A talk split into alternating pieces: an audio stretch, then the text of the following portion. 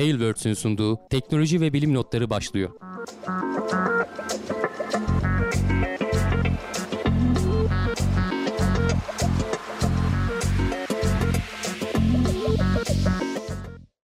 Teknoloji ve bilim notlarına hoş geldiniz. Ben Hamdi Kellecioğlu. Karşımda Volkan Ekmen var. Her hafta olduğu gibi teknoloji ve bilim dünyasından gözümüze çarpan haberlerle karşınızdayız. Nasılsın Volkan? Okuyayım abi teşekkür ederim. Seni sormalı. Sen değilsindir umarım. Ben deyim keyfim yerinde bir sıkıntımız yok. Ne güzel ne güzel. Gene bilim dolu bir haftayı geride bıraktık diyelim. Daha daha iyi günlerimiz olsun. Daha güzel günlerimiz olsun. Ee, bakalım bilimde bu hafta bizi neler bekliyor, hangi haberler var, neler var, neler yok. Hatta bayağı da haftaya da referanslı haberlerimiz de var. Şöyle hızlıca giriş yapıyoruz. Tabii ki önce uzay haberleriyle başlıyoruz. Ee, Falcon Heavy 3 yıl aradan sonra görevini başarıyla tamamladı. Evet yani 3 e, yıl olmuş ya ben sanki böyle çok kısa bir zaman olmuş gibi hatırlıyorum. Yani tamam aradan Abi bir süre geçtiğinin çok... farkındayım ama 3 yıl uzunmuş ya. Demek ki ta pandeminin öncesinden kalma.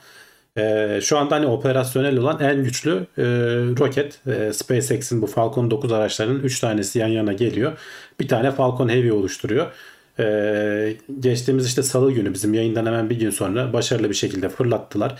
Gene iki tane aşamalarından biri e, ikisi e, gayet düzgün bir şekilde inişini gerçekleştirdi.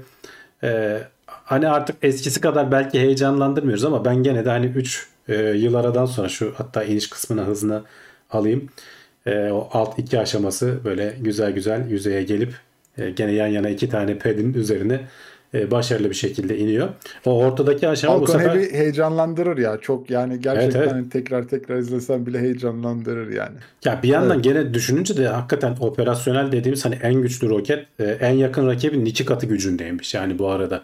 E, bu gene e, üzerinde iki tane ana görev, e, iki üç tane de küçük hani ride sharing dedikleri paylaşımlı e, payloadlar vardı, e, faydalı yük vardı. E, bu görevin son bu görevden de başarılı bir şekilde e, alnının akıyla çıkmış oldu diyelim aradan 3 yıl geçtikten sonra. Bu dördüncü fırlatması yani bir tanesi zaten e, test fırlatmasıydı yanlış hatırlamıyorsam. E, arada birkaç tane daha görev oldu. Sonra işte pandemi girdi biraz gecikti falan. Şimdi işte gene Amerika'nın e, biraz gizli tutuyorlar. Hani e, Space Force'un e, geosenkron dediğimiz o işte 30 bin 36 bin kilometre dünyadan uzaktaki bir yörüngeye yerleştirdiği e, şeylerden e, uyduları bünyesinde taşıdı. Hazır giderken de işte birkaç tane e, daha ucuza bir şeyler de taşımış oldu yanında. Yanına da serpiştirmişler. Öyle Bu kadar daha fazla ara olmayacaktır ama hani birkaç tane daha görev var yanlış hatırlamıyorsam. Falcon Heavy'yi biraz daha sık göreceğiz muhtemelen önümüzdeki günlerde. Ee, ama olsun da yani ya. Güzel e, izlemesi de dediğim gibi zevkli bir uçuş ya oluyor. İzlemesi zevkli iniş, ama hani eskisi kadar heyecan uyandırmıyor. Biz şey bekliyoruz artık. Hani Starship'i bekliyoruz. O da hatırlarsan Star. e, Ekim'in sonu ya da Kasım ayı içerisinde kesin demişlerdi. E artık geldik Kasım ayının neredeyse ortasına yaklaşıyoruz. E, ilk başları geçti. Yani ilk çeyreğini geçirdik. E, hadi artık bu ay içinde bir e, şeyde görelim. Starship'i de görelim yani ilk denemesini en azından. Değil mi? O da o da heyecanla beklediğimiz görevlerden biri aslında. SLS e, Artemis bir görevi için yeniden fırlatma rampasına alındı. Evet, 14'ünde gene, mi bekliyoruz? Evet 14 Kasım'da e, bir fırlatma penceresi var. E, Türkiye saatiyle geçti, gelecek hafta pazartesiye denk geliyor. Sabah 8 falan gibi e, yanlış hesaplamadıysam e, fırlatma olacak.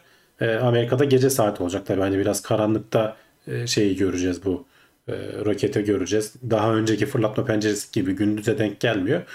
E, eğer 14'ünde olmazsa 16'sında ve 19'unda iki tane daha yedek pencere var. E, şu an için hani hava şartları vesaire falan uygun görünüyor ama geçen sefer ertelenme sebebi hatırlarsan bir yakıt sızıntısı olmuştu. Bir türlü düzeltememişlerdi. Sonra fırtına geldi. Fırtınadan saklamak için işte hangara geri çektiler falan derken e, araya işte ISS'e gidecek e, görevleri, Crew Dragon görevleri girdi falan. Hani bir ay, bir buçuk ay attı ileri neredeyse. E, şimdi artık hani Kasım ayında e, bu da aslında e, eğer hani çalışırsa Falcon Heavy'den daha güçlü yanlış bilmiyorsam bu SLS. E, operasyonel dedik az öncekine ama bu daha henüz hani operasyonel olmadığı için muhtemelen için, evet. e, SLS e, çalışır hale gelirse e, Falcon Heavy'den falan daha güçlü olacak. Bunu işte Starship geçecek. Ama e, işte bir daha çalışabilir halini göremedik. Bekliyoruz 14 Kasım'da. Gelecek hafta e, işte sabahtan falan bir gecikme olmazsa belki akşam üzeri e, bu görüntüleri paylaşıyor oluruz.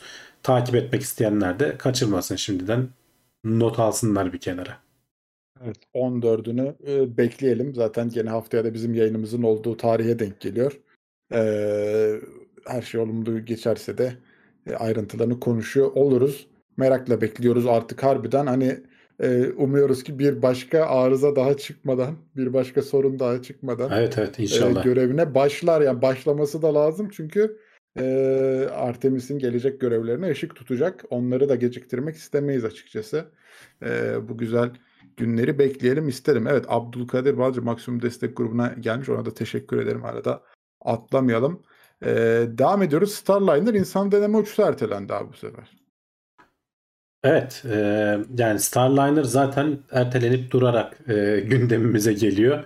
Arada bir işte denediler, başarılı oldu falan diyoruz ama e, bu ilk ilk demosunda başarısız olmuştu. E, daha doğrusu hani yarım kalmıştı. Sonra bayağı bir uzun ara verdiler. E, o arada işte Crew Dragon, e, SpaceX vızır vızır gitti geldi. Sonra e, gene bir insansız demoyu geçtiğimiz aylarda başarıyla yaptılar. Şimdi ama onda da hala ufak tefek sorunlarla karşılaşılmıştı. Bunların çözüleceğini e, söylediler önce. İnsanlı deneme. Daha hala insanlı deneme aşamasındayız. E, onun için de 2023'ün işte Şubat ayı falan diyorlardı. Şimdi e, NASA diyor ki hani şeyle çakışmasın diye gene işte e, Crew Dragon 6 SpaceX'in Crew 6 görevi var. Onunla çakışmasın diye biz bunu Nisan'a aldık diyor. E bunu Nisan'a aldıklar. O arada da tabii hala hani e, NASA'nın işte uzmanları daha doğrusu danışmanları e, Starliner ile ilgili soru işaretlerini falan arada toplantılarda söylüyorlar. Çünkü çözülmesi gereken hala bazı şeyler var diyorlar. Ama hani e, bu insanlı deneme Nisan ayına alındıysa e, gerçek görev e, Starliner 1 görevi artık herhalde ismi o şekilde şey olacak. ISS'e yani yolcu taşıma görevi. 2023'ün sonu diye tahmin ediliyordu ama 2024'de kalır diyorlar. Zaten NASA'da e, Crew Dragon 7'yi bunlar artık çünkü dönüşümlü kullanacaklar. Senede iki tane falan oluyor galiba e, ISS'e gönderdikleri görev. E, Crew Dragon 7 bir sonraki yıl olacakken onu da 2023'ün sonunda geri almışlar. Yani aslında NASA'da biraz Starliner'dan e, ne denir umudunu kesmiş e, diyebiliriz. E, yani Boeing e, geçtiğimiz ayda günlerde hatta şeyi de açıkladı bu Starliner'ın gecikmelerinden dolayı 883 milyon dolarlık zarar yazmışlar. Yani neredeyse 1 milyar dolara yaklaşıyor. Bayağı da büyük bir zarar. Ciddi paralar ya. Ya evet Yazık çok yani. büyük paralar. Hani bir de beni her seferinde hani bu haberleri gördükçe şeyden şaşırıyorum yani. Ya Boeing gibi dev bir firma nasıl e, bir türlü bunu fonksiyonel hale getirip de şey yapamaz yani. Hakikaten şaşırtıyor beni. Ama hani bir yandan da desteğini de çekmiyor Amerika arkasında. Çünkü tek bir platforma yani işte SpaceX'in Crew Dragon'una bağımlı kalmak istemiyorlar. E, Yani rekabet eden en azından iki platform olsun istiyorlar. Ee, NASA da o yüzden desteklemeye devam ediyor. Ya ama aslında baktığında şimdi Boeing şu hani uçak arızası olan da Boeing'ti değil mi? Yanlış hatırlamıyorum. 747 tabii. serisiydi sanırım. Ha? Yani oluyor işte demek ki adamlarda hani bir bir şey var yani. Canım o Belki artık hani o yüzden zaten göz göre göre gelen bir şeydi. Yani hani bir sürü Aha. uyarıyı falan göz ardı ettiler ticari kaygılarla vesairelerle falan. Ee, o Yani göz belki de göre bunu o göre bir yüzden şey. hani erteliyorlar. Bir şeyler yaşanmasın diye, bir sıkıntı olmasın diye. Ama arkada sıkıntılar var belli ki yani hani firmayla da alakalı. Çözemediklerini düşündüğüm sıkıntılar var açıkçası. Evet evet kesinlikle bir türlü e, şeyi aşamadılar. Ya çok büyük olduğun zaman, devasa olduğun zaman manevra yapmak, bazı kararları almak kolay olmuyor. SpaceX'i işte hatırlarsan patlata çatlata e, ben yazılımcı mantığıyla bu işleri götüreceğim deyip hakikaten çok hızlı ilerledi. Yani 20 yıl önce kurulan firma, ilk denemesini 10 yıl önce, 12 yıl önce yapan firma şu anda Amerika'nın bir, bir numaralı uzay firması olmuş durumda. Hakikaten çok şaşırtıcı bir şey Abi yani. farklı farklı görüş çok önemli ya burada. Yani har- harbiden o konuda takdir edilesi insanlardan biri. Evet bazı sıkıntıları olan bir arkadaş belki Musk Ya ama Elon Musk hani bu değişik konuda yani ama tak- e, takdir Evet, edilecek pek takdir çok yönü var. yönü var abi yani. Yani adam çok farklı bir mantıkla sektöre adını yazdırmayı başardı. Sektör liderliğini elinde tutuyor belki de. Hani baktığın zaman bir şeyleri ucuzlatma konusunda çok ciddi atılımlar yaptı. Ee, işte bu, bu bu kafaya ulaşmak gerekebiliyor. Belki de bazen bir şeylerin riskini almak gerekiyor yani. Can Serkan demiş ki 90 yıllık uçak üreticisi de olsan uzay aracı tasarlamak o kadar kolay olmuyormuş demek ki. Evet. Ya olmuyor kesin çok farklı zaten hani isterleri var. Ee, uçakla uzay aracı çok farklı ama sonuçta mühendislik firmasısın. Deli gibi kaynağın var. Ee, elinin altında en iyi mühendisler var. Bir şekilde yapabilmelisin diye düşünüyorsun ama demek ki olmuyor o iş. Yani para da olsa, mühendis de olsa, insan kaynağı da olsa başka bir e, vizyon mu gerekiyor artık ne diyelim, şans mı gerekiyor? Ee, belki de hepsinin bir bileşimi gerekiyordur. Öyle. Dart demiş ki değişik olduğu için bunları yapabiliyor. Efendi o adamlar ancak memur olur. evet masa başında e, yapmaya devam eder. Aman bir şey Bakalım bozulmasın, Twitter'da ne yapacak? şey Şimdi orayı da e, geçen cumaydı galiba tam olarak aldı. Geçen cuma daha doğrusu herkesi işten çıkardı. Ya %50'sini Abi. gönderdi Twitter'ın. Ee, hani oraya Twitter'da bir türlü senelerdir yani hep ismi geçer en büyük sosyal ağlardan biri ama bir türlü adam gibi kâra geçemedi. Hani hep böyle zarar yazan falan garip bir şey. E, oraya 40-50 milyar dolar verip aldıktan sonra e, hani Elon Musk başarısız olursa çok büyük kayıp olur onun için. O yüzden bence bir şekilde orayı şey yapacak. Belki alıştığımız kalıpların dışarısına çıkaracak. Ee, ama ben hani çok başarısız olacağını düşünmüyorum. Ya bilemiyorum o biraz o konuda belki biraz sıkıntılı bir döneme girer mi? Emin değilim açıkçası. Hani haber doğru mu bilmiyorum. Bir haber okudum da işte şey atmış. e, Çalışanlarına e, bir şeyler söylemiş. Hani gündüz size bir mail gelecek. Şirket hesabınıza gelirse problem yok ama kişisel hesabınıza gelirse eve geri dönün işten çıkarıldınız falan demiş yani adam. Hani ne kadar doğru bilmiyorum Ya ama olabilir de ama sonuçta e, bir şirketin yarısını işten çıkarmak da çok büyük operasyon ya. Yani. yapmış yani adam. Bir bildiği var demek ki ya da hani öyle planlıyor. Yalnız Da bu yani arada kadro yenilemeden zor konunun işler. dışına Nasıl- çıktık biraz ama şey haberleri de vardı geçen. Meta'da e, işten bayağı adam çıkaracakmış. Onun da çok daha büyük tabii onun şeyi Facebook'un 70 küsür bin çalışanı var. E, o yarı yarıya çıkarmayacaktır ama genel olarak dünyada bir şey var. E, ne denir? Resesyon, bu daralma, küçülme beklentisi olduğu için ekonomide büyük firmalar işte Amazon'u vesairesi falan da aslında e, çok hızlı büyüyen bu yatırımlarını hızlı yapanlar şimdi herkes biraz frene basıyor. E, ben hani başka iş dünyasından falan da duyuyorum. Yabancı firmalardan böyle bir eleman çıkarma furyası var. Hepsinden sıra sıra görebiliriz işte Amazon'uydu, Microsoft'uydu, Google'ıydı falan derken. Ara ara oluyor bunlar. Firmalar Denk çok gelecek. büyük ya bir anda 10 bin kişi düşünsene yani. Abi Ee, ama büyümek için lazım oluyor. Sonra işi bitiyor. Tamam diyor bizim bununla işimiz bitti. Bu geri kalan iş yürüyebilir mi bu kadar adamla yürür. Tamam küçülmeye gidelim hemen. Çünkü ciddi masraf yani. O kadar kişinin maaşı desen yolu bir şey hani götürüsü çok fazla bir, bir şey oluyor eleman. Mavi Tike'de 8 dolar istiyormuş abi. 10 dolar mı istemiş başta? Çok demişler sonra 8 dolara düşmüş. Yani bilmiyorum Mavi o Tike. mavi tik olayı zaten bana hep şey geliyor yani biraz anlamsız geliyordu. 8 dolar vermiyor. Yanında başka şeyler falan verecekse bakılır da 8 dolar tabii bizim için pahalı. Ama şey demiş galiba hani yöresel olarak fiyatlandırma değişecek demiş. Yoksa mümkün değil Türkiye'de kim alacak 8 dolara onu verip de zaten. Ama hani mavi tik Twitter'da bir prestij e, manasına Ya o da geliyor yani prestij de ama zaman. neye göre veriliyor işte saçma sapan hesaplar da alabiliyor. Bazen alması gerekenler de alamıyor falan. Benim hesabımı kapatmasınlar da benim derdim o.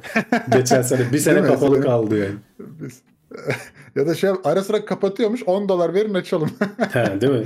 o da onu da yapar yani. Makine soğuk Ama diyor ya uçak bilmiyorum. kesmiyor diyor. Belki oradan oradan para kazanmayı bekliyor olabilir ya adamın hani bir getiri olacağını düşünüyor Hayır. olabilir yani 8 dolar. İyi para. İşte ama yani sadece Bilmiyorum. tik mavi tik vererek olmaz. Yani başka bir şeyler sunması lazım. Göreceğiz daha çok erken. Yani şimdi işte Yani önce alması gereken hani fren e, mekanizmalarını çalıştırdı. Hani bir yarısını attı. Giderleri bir kıstı. Şimdi yavaş yavaş yeni özellikler, fonksiyonlar falan bir şeyler yapacak. Bakalım hani işte Evet. o işte nereden geldik buraya? Hani o SpaceX'teki falan gibi hani farklı düşünme konusunu buraya uyarlayabilirse bakalım burada da başarılı olabilir ama her alanda da çalışacak diye de bir şey yok bunun tabii. Evet.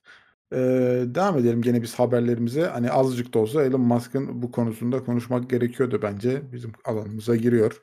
Ee, devam edelim. Bakalım başka neler varmış. NASA e, havaalanından uzaya ulaşmayı sağlayan sistemler üzerinde çalışıyor. Ee, uçak yani şey hatta şey demiş jetin inebileceği her havaalanı Evet yani çok küçük olmayı, olmayan e, hav- yani Olmayan dünya çapında da gidebiliriz demiş. Dünya çapında da 5000 falan bu tarz havaalanı var diyorlar. Şimdi roketleri fırlatıldığı rampalar e, çok sınırlı sayıda. işte belli konumlarda. Bazen de işte üst üste birikiyor. İşte SLS'i bir rampaya çıkarıyorlar. Günlerce fırlatılamıyor. İşte o görevleri aksatıyor vesaire falan. Küçük görevleri, nispeten ucuz görevleri NASA araştırıyor. Bu sadece NASA'da da gördüğümüz bir şey değil. Aslında Virgin Galactic'i hatırlarsa ya bizim izleyicilerimiz. Onlar da e, çeşitli e, daha doğrusu hani o Spaceship dedikleri uzay gemisi şeyi e, Spaceship Two'ydu galiba en son.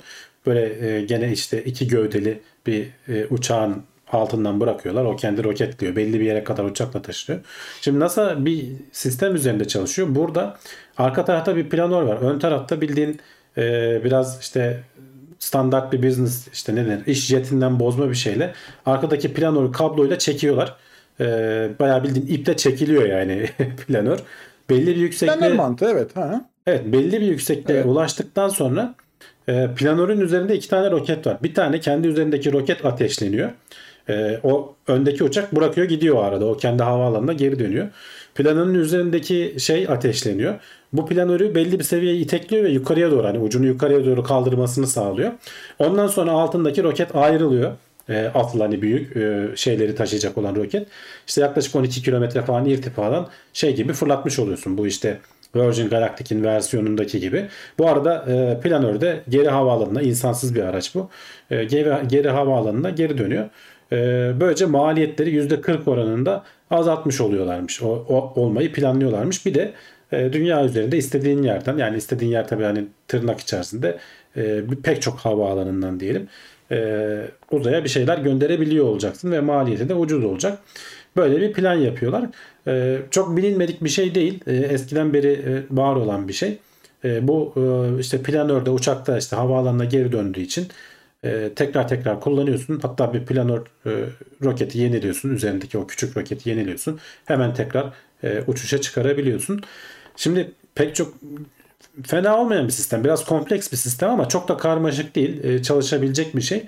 Ama hani buna gerek var mı? Bu üzerinde e, artık küçük sistemler, küçük roketler de var. Hani e, büyük roket pedleri gerektirmeyen, fırlatma rampaları gerektirmeyen işte bu elektronun olsun vesairenin bizim Türkiye'de kendi roket sistemimiz üzerinde çalışıyoruz. E, çok gerek var mı yok mu? E, o tartışmalı. Bir yandan da tabii şeyle yarışıyorsun. Az, az önce bak ne konuştuk? Starship'in e, pardon Falcon Heavy'nin e, yanında işte asıl görevin yanında küçük görevler de böyle fındık fıstık görevler de ekliyorlar. Boşlukları dolduruyorlar. E, sadece tek başına olan böyle bizim e, daha önce işte Türkiye'nin uydularını fırlatıldığı e, birkaç toplu uydunun gönderildiği görevler de olabiliyor. Dolayısıyla bunlarla rekabet etmek zorundasın. Yani onlar evet tek bir tane ağır roket pahalı ama üzerinde onlarcası var. Dolayısıyla bir kere fırlattığı zaman adam 6-7 tane görevi birden uzaya çıkarabiliyor. Ee, bu e, daha esnek. Yani her türlü havaalanından çık- fırlatabiliyorsun. Ee, işte maliyetleri biraz daha düşük. Hani kendine bir yer bulabilir mi? Açıkçası çok emin değilim. Hani onun onu önümüzdeki yıllarda göreceğiz ama NASA hani bu tarz böyle şeyleri en azından beyin jimnastiği olsun, fikir jimnastiği olsun diye peşini bırakmıyor. Ee, bunun üzerine de çalışan uzmanları oluyor mutlaka. Yani e, bilmiyorum bana kağıt üzerinde mantıklı bir şey gibi geldi. Bir de yani %40 tasarruf gayet iyi bir rakam. E, insanlı görevlerde de çok rahat kullanılabilecek bir sistem. Yani Baktığım insanlı görevlerde kullanılacak kadar büyük şey taşıyabilir mi ondan emin değilim. Yazıda bahsetmemiş. Hani küçük e, çaplı görevler için demiş. Şimdi insanlı görev olunca o işte kapsülü ne kadar küçültsen de bir sürü onun işte hayat desteğiydi bilmem nesiydi falan derken biraz zor oluyor. Ee, burada hani Yani- bu onun için mi tasarlanmış, onun için tasarlanmamış mı ondan emin değilim. Az önce bir de yorumlara da yazmış spin launch. Biz ara, habire ara ara onlardan da bahsediyoruz. O da uzaya ulaşmanın farklı yöntemlerinden biri. Gene böyle İşte küçük görevler için. görevler için iyi iyi değil yani. İyi değil değil, Yani mümkün o değil yani. Hani o 10 Mümkün bin, yani, tamam, 10 evet. bin G'ye dayanacak insan yok yani. Hani makineler dayanıyor. İyi, iyi değil biraz az oldu yani orada. Az oldu tamam özür dilerim. Ama bu hani biraz daha şey yapılırsa e, bu NASA'nın açıkladığı sistem biraz daha geliştirirse bence hani insanlı görevlerde kullanılabilir. Kullanılabilir belki bilmiyorum işte o büyük büyüklüğünü bakmak lazım. Ne kadar istediğim gibi yük taşıyabiliyor. İnsanlı görevler şey olmuyor. O kadar hafifletemiyorsun dediğim gibi. Pek çok Tabii tabii. ekstra Güvenlik- eklenmesi gerektiği Güvenlik için. sistemleri olması gerekiyor evet. Aktarmalı uzay yolculuğu. Ya aslında sen aynı yerdesin. Ya aktarma yok orada. Aktarma yok evet. Evet. yani. Farklı Yok, şeyler evet. çalışıyor. 3 3 aşamalı. Ee, ama e, ya işte dediğim gibi hani bu bir bunu biraz şey gibi düşünmek lazım. Beyin jimnastiği gibi düşünmek lazım. Ee, Evet.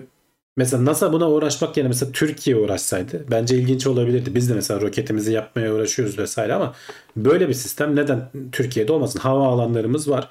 Ee, küçük şeyler için, küçük çaplı e, ne denir? Uzaya bir şeyler göndermek için bu tarz bir sistem işte şeyin arkasında takılan dünyaya da satarsın hani sadece Türkiye'de değil. Biz de belki hani bizim Türkiye'de de bazı şirketlerin bu tarz şeylere e, ne denir? geliştirmeye aday olmalarını isterdim açıkçası. Ben ilk haberi okuduğumda şeyi düşünmüştüm. Yani o planör sistemi e, niye uçaktan ayrıldığı anda e, roketi bırakmıyor diye de herhalde orada bir böyle yukarı doğru bir kavis vermek için o planörün kanatlarındaki e, flaplardan falan yararlanıyorlar. Evet evet yani o uçak bir kere ayrılıp uzaklaşması lazım zaten bir miktar.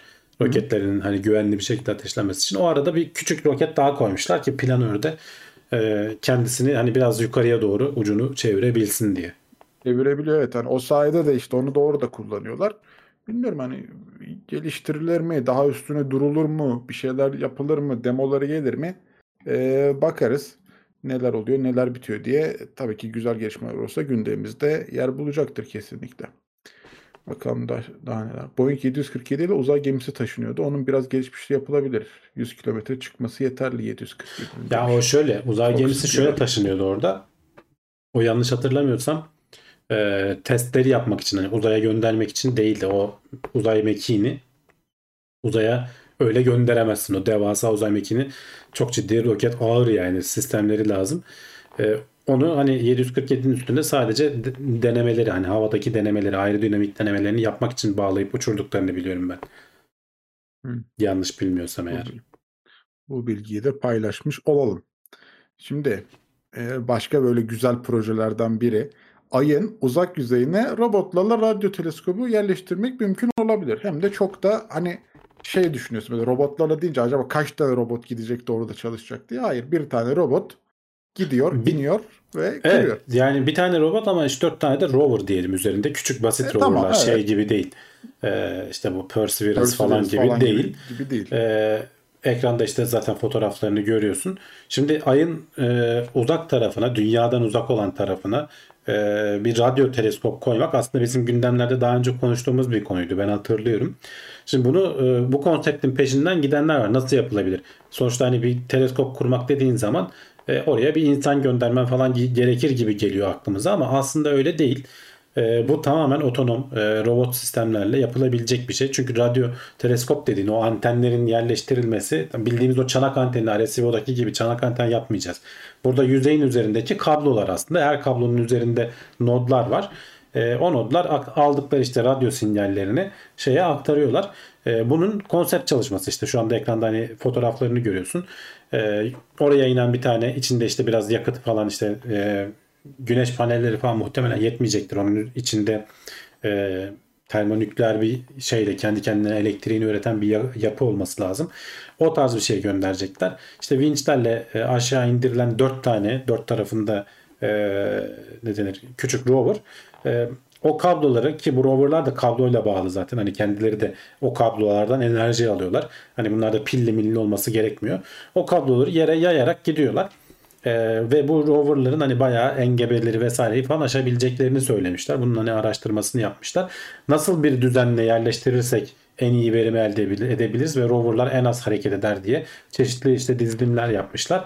En verimli olan şu sağ alt köşedekiymiş. 4 tane spiral. Böyle roverlar hafif böyle dönerek hareket ediyorlar. Her bir rover en az en fazla 9 kilometre falan bir yol kat ediyor.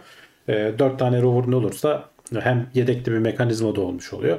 E, dolayısıyla bu e, kabloları yerleştirebiliyorsun. Ayın öteki tarafı niye? Bize uzak tarafı niye önemli? Şimdi e, çok hassas radyo frekanslarını almak istediğiniz zaman dünyada biz çok hem kendimiz kirletiyoruz hem güneşten gelen e, şeyler e, ne denir? Işınlar atmosferde çarptığı zaman işte o auraları vesaireleri falan oluşturuyor ya auroraları. E, e, onlar radyo dalgaları falan da yayıyor. Dolayısıyla çok böyle hassaslaştırmaya çalıştığınız zaman ki hani bu e, ayın öteki tarafında koyulan e, radyo teleskopuyla öte gezegenlerdeki yani başka güneş sistemi, başka yıldız sistemlerindeki gezegenlerin manyetik alanlarını ölçebileceğiz diyorlar. Yani biz şimdi o gezegenlerde daha yeni yeni şeylerini görmeye çalışırken atmosferlerinde ne var ne yok o gezegenlerin manyetik alanlarını ölçmek veya evrenin en ilk zamanlarındaki daha yıldızların falan e, oluşmaya başlamadıkları zamanlardaki e, dönemlerden sinyaller almak falan mümkün olabilir diyorlar.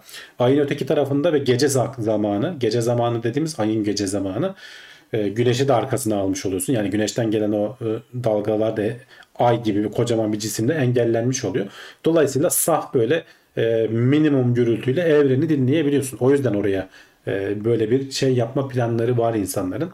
Dünyadan ne kadar uğraşırsan uğraş o hassasiyete inemezsin diyorlar. Tabi kendi içinde zorlukları var. Bir kere işte ay çok soğuk bir ortam olduğu için o soğukluk bu radyo antenlerini vesaireleri falan etkileyebiliyormuş. Bunların hala çözülmesi lazım diyorlar. Ama e, işte Blue Origin'le falan da çalışıyorlarmış. Az önce ekranda görüntüsü vardı. Blue Origin'i hatırlarsan ayın yüzeyine bir araç indirme girişimi vardı da işte e, SpaceX'e davalık olmuşlardı. Nasıl SpaceX'i seçince falan hatırlarsan. E, Blue Origin o ortadaki ana şey Blue Origin'den alabiliriz diyorlar hani uzmanlar. E, Blue Origin zaten hani lander aya iniş e, projesi var. E, bunun etrafına işte gerekli vinçlerle vesaireyle falan mekanizmaları kurarak e, uygun bir yere uzak bir arayüzünde yaklaşık 100 kilometre karelik bir alanı kapsayacak şekilde e, radyo şeyi yapabiliriz diyorlar. E, Arecibo'nun belki çok çok daha büyüğü ve e, daha az gürültüden etkileni, etkileneni diyelim. Ee, yani zaten hani e, ayın işte öbür tarafına yapılmasının en büyük etkilerinden biri dünyadaki işte gürültüden de kurtulmak. Ee, onu da çok güzel engellemiş olacak. Aslında elimizdeki bence gayet güzel imkanlardan biri. Yani baktığın zaman dünyanın önüne bu kadar büyük bir set koyamazsın normal şartlarda. Tabii tabii. Yani ee, ayın düşse koca bir ayı arkası, arkana almış oluyorsun. Hem güneşe karşı hem dünyaya karşı korunmuş oluyor yani. Evreni çok güzel, çok rahat bir şekilde dinleyebilecek potansiyelin olacak belki de. Çok heyecan uyandıran bir proje aslında baktığın zaman. Yani. Ve maliyeti de çok aşırı olmayacak gibi geliyor. Zaten şey de demişler. Hı-hı. Eğer hani bu aşamayı geçebilirsek 2028'de falan biz bunu fırlatabiliriz demişler. 2028 şurası ya çok uzak değil yani. Hani göz açıp kapayıncaya kadar geliverir yani yani hani işte dedim hani haberi böyle ilk okuduğunda hani robotlarla falan yapılacak dedim. Acaba diyorum kaçta robot gidecek? Ne yapacaklar? İnşaat mı başlatıyor o tarafında diye. Ama yok ya çok basit hani e, görece basit bir sistemle oraya gittiğin zaman evreni çok rahat dinleyebileceğin ve belki de hani ulaşamadığımız e, imkanları bize sağlayacak bir yapıdan bahsediyoruz yani. Evet. Arecibo'nun da senin de dediğin gibi yerini alabilecek kadar potansiyele sahip ve hatta onu da geçebilecek potansiyele sahip bir e, projeden bahsediyoruz. Ben açıkçası çok sıcak baktım. Umuyorum ki üstüne düşerler, umuyorum ki yaparlar. E, gayet başarılı olabileceğini düşündüğüm bir proje aslında. Evrene enerji gönderiyoruz demiş biri. ya dan, da, tam tersi. Dinliyoruz öyle, öyle evrendeki enerjiyi. Dinliyoruz evet. Atmosfer kalınlığından dolayı ilk kalkış zor oluyor. Kutuplardan çıkartırsın demiş. İşte orası da biraz soğuk. Oraya e, taşıması zor her şeyi. Değil mi? Evet bir, bir bakmışsınız uzaylılar zaten yapmış. o tarafa gidince mi? Yok yok. E canım orayı gözlüyoruz. O kadar görmediğimiz bir yer değil. Ayın evet. etrafında dönen bir sürü uydu var. Ee, sürekli var. bakıyoruz yani. Bakmadığımız bir yer değil. Tabii tabii. Yani bugün Google Earth'te bile giriyorsun. Ayı bile gösteriyor sana ya üç boyutlu olarak. E, gezebiliyorsun yani. Devam edelim. Başka neler varmış? Bu arada 2028'de falan dediler ama mesela 2028'e kadar Starship falan bayağı böyle fonksiyonel halde gelirse hani otonom olmasına bile gerek kalmaz. Hakikaten buradan adamları gönderirsin. Starship onları indirir. O adamlar bayağı bildiğin amelilik yapar ayın yüzeyinde. Sonra da kalkar gelirler. Yani o tarihlerde insanlı da olabilir bir anda. Hani şu anda biz bunu hani otonom yapmayı falan düşünüyoruz ama 2028 Starship çünkü her şeyi değiştirebilecek bir şey. Hani bilim insanları hani diyorduk ya hevesleniyorlar şimdiden heyecanlanmaya başladılar falan diye. E, o bir e, şeye geçse fonksiyonellik kazansa e, çok daha farklı şeylerden bahsediyor olabiliriz. Yani abi hani bu projeler öyle çalışıyor mudur emin değilim hani çünkü bu projeler başlandığı zaman genelde işte hani o 8 yıllık sürecin içerisinde projenin atıyorum işte 3 yılında geliştirme süreci hani nasıl yapabiliriz gibi gibi etkiler oluyor. Hani o zaman sen o elinde olan teknolojiyle bakıp ona göre bir şeyler geliştiriyorsun. Yani daha sonra senin dediğin şey sıfırdan projeyi başlatmak gibi bir şey olur yani. Hani öyle bir durumda bence projenin süresi ertelenir gibi geliyor çünkü. Ee, Adam çünkü elindeki imkanlara göre şu an projelendiriyor, ona göre değerlendiriyor, ona göre yapıyor diye düşünüyorum açıkçası. Ama tekrar sıfırdan in- insanlı bir görev için bu proje yapılabilir mi? Yapılır diye düşünüyorum. Hmm, yapılabilir. Süre uzar. Süre uzar yani herhalde. Çünkü direkt öyle hani o 8 yıl dediğin süreçte adamlar bayağı bir şeyler planladı. Ona göre Evet. Evet. Ay amelesi de ilginç bir konu. Evet. Ay'a Adam gidip astronot ayda olmuş düşünsene orada amelilik yapıyorsun. ne yapıyorsunuz? Ameleyiz ama uzayda. Uzayda. ne farkı var? Bir şey yok. daha şey diyor. Orada şey daha az hissediyorsun yükü diyor Türk- ayda. Türkü, türkü söyleyince etraftan duyulmuyor. Tek farkı. o. Evet evet. Bir de ağırlığı daha az hissediyorsun işte belimiz ağrıyor. Değil mi? Bel, bel omurilik hasarı olmuyor. Omurilik hasarı olmuyor diyor. Devam ediyoruz. Işık kirliliğini ve etkilerini ölçmekte bilim insanlarına yardımcı olabilirsiniz. Hem de sadece bir telefonla. Nasıl evet, yapıyoruz? e, şimdi ışık kirliliğinden bahsediliyor dönem dönem. Çünkü işte e, bol miktarda sokak lambası vesaire falan kullanıyoruz. Hani bizim ülke gene nispeten iyi. İşte böyle Japonya'ya, Tokyo'ya, New York'a falan hani oraların böyle meydanlarını gördüğün zaman özellikle uzak doğuda bir böyle led çılgınlığı var. Her tarafı aydınlatıyorlar. E, bunlar tabii atmosfere e, ışık olarak yayılıyor ve hani bir e, insanları da etkiliyor ama canlıları da etkiliyor. Bunları e, uydularla takip etmek mümkün. Zaten takip ediyorlar dünya üzerindeki ışık e, miktarını. Ama uydularla şeyi ayırt edemiyorlarmış. Mavi ışıkla kırmızı ışık biliyorsun e, canlıları farklı etkileyebiliyor. Hatta bir sürü işte mavi ışık filtresi yok işte mavi ışık kapatalım falan uygulamaları var artık telefonlarımızda, ekranlarımızda. Canlıları farklı etkiliyor diyorlar. Ee, bunu ama uydulardan görmek mümkün değil çünkü mavi ışık atmosferde hemen dağılıyor. Bizim gökyüzünü mavi görmemizin sebebi de o. Dışarıdan gelen e, güneş ışığındaki mavi ışık atmosferde sağa sola çarpıyor, dağılıyor. Ee, gözümüze daha çok e, mavi dışındaki dalga boyları geliyor. O yüzden güneş batarken falan kızıl görmemizin sebebi de o aslında. Atmosferdeki o ışık ne kadar çok atmosferden geçerse o kadar kızıla doğru kayıyor güneşin ışığı. Ee, bu aynısının tersi geçerli burada. Dünyadaki ışığı uzaktan görmeye çalıştığın zaman atmosferde dağılan maviyi göremiyorsun. Dolayısıyla bir ışık kirliliği olduğunu görüyorsun ama dalga boylarını bilemiyorsun. Bunun için çeşitli işte e, ne denir tahmin, kestirimde bulunma vesaire yöntemleri varmış bilim insanlarının ama e, bu yöntemler arasında %200'e varan hani iki katına varan farklılıklar var diyorlar. Buna böyle ilginç bir çözüm bulmuşlar. E, işte citizen science diyorlar böyle vatandaş bilimi. Sen bir tane uygulama indiriyorsun. Bulunduğun çevredeki ışık e, kaynaklarını işte gece lambasını mesela çekiyorsun. Telefon GPS koordinatlarını da bil- biliyor senin. O ışık kaynağını şeyle paylaşıyor. İşte bunların merkezi neresiyse koordinatlarıyla birlikte paylaşıyor. Senin o telefondan çektiğin ışıkla artık orada bir kalibrasyon falan yapmaları gerekiyordur herhalde. Çünkü her kamera vesaire farklı çekecektir ama Ee, yani vardır onun çok kafa karıştıran. Vardır bir bildikleri diye ben düşünüyorum. O kalibrasyonu yapıp mavi kırmızı ışığı senin konumuna göre ayırıyorlar. Bunu şeyle birleştiriyorlar. Uydudaki haritayla birleştiriyorlar. Böylece hani ışık e, dalga boylarına göre ışık kirliliğini de daha net ölçebilmiş oluyorlar. Hani merak edenler bu e, şeye bakabilirler. Yazının linkine bakabilirler. En altta e, katılmak istiyorsanız buraya tıklayın katılın diye bilimsel makalenin şeyini de vermişler sağınızda solunuzda böyle gördüğünüz ışık kaynaklarını gece çekeceksiniz ve onu paylaşacaksınız aslında. İstedikleri bu. Orası öyle. Ee, yazının linkine de yine teknoseyir.com üzerinden ulaşabilirsiniz. Bu yayın bittikten sonra direkt orada yayınlanacak. Bakabilirsiniz diyelim. Şimdi şeyi merak ediyorum ben. Yani o senin dediğin kalibrasyon işi bir mesele.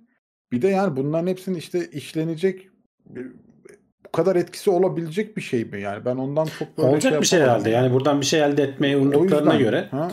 e, hem maliyeti de düşük işte e, vatandaşlara hani insanların yapması da zor değil. İşte bilim gönüllüleri dünyanın 3-5 yerinden böyle fotoğraflarını çekip gönderseler. Çok fazla fotoğrafa da ihtiyaç olur mu bilmiyorum ama e, sokak lambalarını işte farklı falan ışık kaynaklarını çekip göndereceksin. Oradan elde ettikleri verileri birleştirip işte şurada şu dalga boyu daha fazla kirlilik burada bu- yani birebir ulaşamazsın e, ama e, en azından elinde ekstra bir data olmuş olacak. Sadece uydudan değil de yerden aldığın dataları da kullanıyor olacaksın.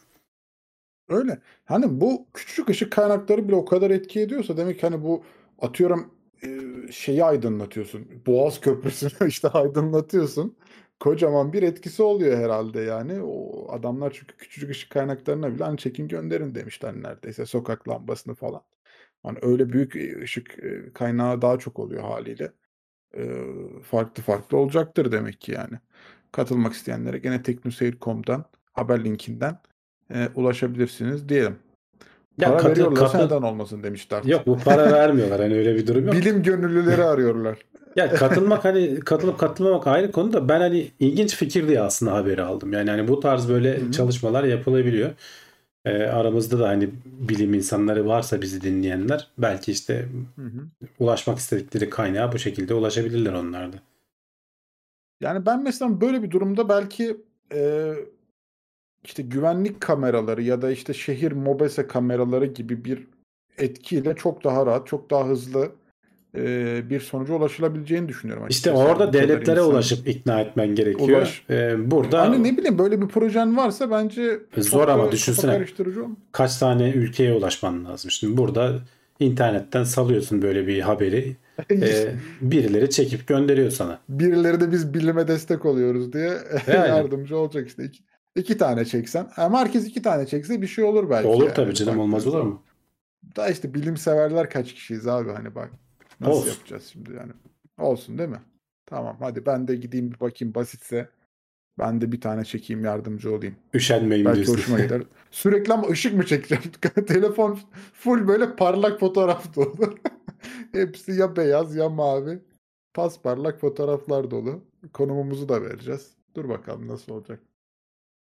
Ee, aslında sorun ışığı gökyüzüne çevirmemek. O zaten başlı başına başka bir sorun aslında baktığın zaman evet. Bir şekilde yansıyor ama zaten. Yansıyor tabii canım Tamam. yani. Yansıyor. Devam ediyoruz. Bilim insanları balinaların bir günde ne kadar plastik atık yediğini hesapladı. Yani Mariana Çukuru dedik. İşte e, ne dedik? Everest'in zirvesi dedik. İnsan Kan, dolaş, dedik. kan dolaşımı dedik. Dedik. İçimiz dışımız Dedik. plastik oldu dedik. e, sıra balinalarda. Evet. Bakalım Şimdi, balinalar niye bu plastik balinalar? atıktan ne kadar faydalanmış? Niye balinalar? Bir kere dünyadaki hani en büyük hayvanlar. Ee, denizlerde zaten hani plastik, mikroplastik kirlilikleri olduğunu biliyoruz. Ve bu balinaların beslenme şekli de böyle biraz hani suyu süzerek böyle kocaman işte ağızlarını açıyorlar. Bir koca bir işte plankton sürüsünü alıyorlar ağızlarına. Sonra suya atıyorlar. Böyle besleniyor. Tonlarca besleniyorlar günde. İşte e, bir kısmına e, bu balinaların şey yerleştirmişler. İşte 191 tane çeşitli farklı türdeki balinaya takip cihazı yerleştirmişler. İşte nerelerde besleniyorlar, ne kadar besleniyorlar vesaire falan bunları takip etmişler. Buradan bir tahminde bulunmuşlar. O bölgelerdeki işte plastik kirliliğini, kabaca durumlarını falan da ölçmüşler. Ee, tahmin et sence ne kadardır? Hani bir e, balinanın bir günde bir günde yediği plastik miktarı. Zor bir tahmin. Hani Ee, kolay edebileceğini zannetmiyorum ama salla bir şey bakalım. 46 kilo. çok, çok güzel tahmin ettin gerçekten Volkan. Ulan okudum desene abi benim madem. Olsun. Böyle heyecan olsun istedim yani. Evet abi ne Bir- kadarmış dinleyelim. On- onu da yanlış okumuşsun. Neyse 43.6 kilo. Evet, tamam. Ya-. Yaklaştın ama yani. Yaklaşmış mıyım? İyi, tamam. Okuduğunu Yani bir- anlama yüzde seksen. Evet devam edelim. bir, bir günde yani 43 kilo plastik yiyor hayvanlar. Yani tamam evet tonlarca devasa bir hayvan ama yani her günde 43 kilo bunun muhtemelen bir miktarını çıkarıyordur diye düşünüyorum ben. Yoksa o vücutta birikirse e, artık hani bir yerden sonra yüzemez hale gelirsin her gün bu kadar beslenip. Öyle. Ee, öyle. şeyi ölçmüşler hani sudan almıyorlar suyun içerisindeki plastikten değil de yedikleri e, şeylerden geliyormuş o planktonlardan vesairelerden kiril denilen küçük karidesimsi bir şeyler var hayvanlar var bunların yedikleri E, onlardan geliyormuş. Çünkü onların vücudunda da var.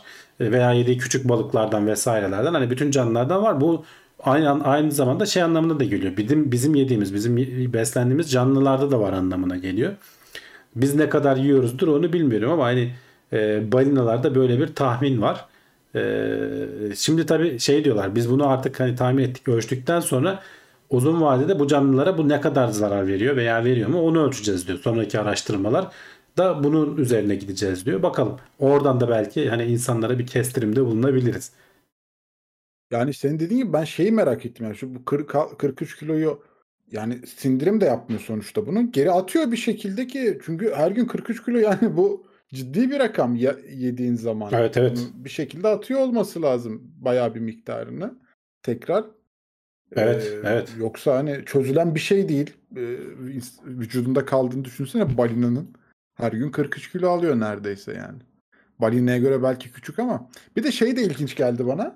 193 tane balinayı bulmuşlar. Hepsini e, çiplemişler.